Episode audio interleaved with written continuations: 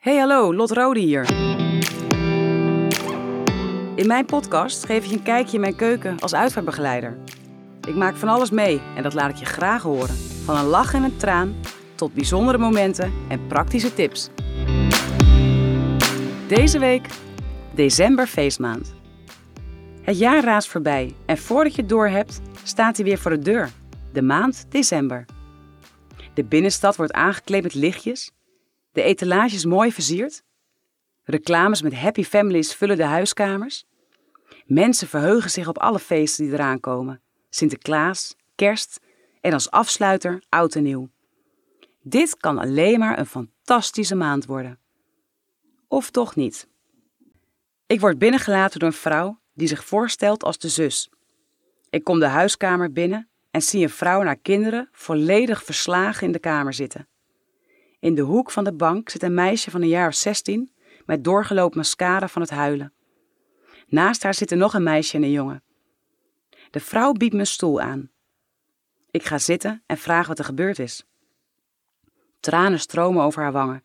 Ze slaat haar handen voor haar gezicht.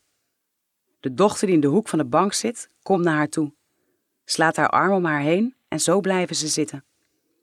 De andere dochter en zoon blijven als verstijfd, volledig radeloos en niet wetend wat ze met het verdriet van zichzelf en dat van hun moeder aan moeten. De vrouw probeert horten en stoten te vertellen wat er gebeurd is. Maar meer dan het geluid van het wegslikken van haar tranen is er niet te horen. Haar zus neemt het over en vertelt: Teun is al tien jaar een trouwe hulp Sinterklaas. En met kerst ruilt hij zijn mijter en tabbert in voor het kerstkostuum. Dag na dag vervult hij deze rollen met plezier. Omdat zijn pakken begonnen te verslijten, heeft hij ze naar de naaister gebracht. Nu waren ze klaar en kon hij ze komen ophalen.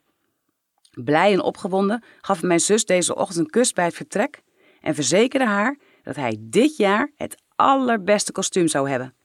Zo zouden er maar weinig gekleed gaan. Met een grote grijns stapte hij de auto in. Toen, vier uur later, stonden ineens twee agenten bij mijn zus voor de deur. Een auto-ongeluk. De kostuums liggen nog bij de naaister. Als de zus klaar is met het verhaal, kijkt de vrouw me aan. Heel even weet ze haar tranen te beheersen. De maand december was voor Teun al de mooiste maand van het jaar. Maar vanaf nu wordt het de meest afgrijselijke maand. Dan slaat ze haar ogen weer neer. De maand december fantastisch? Helaas, niet voor iedereen.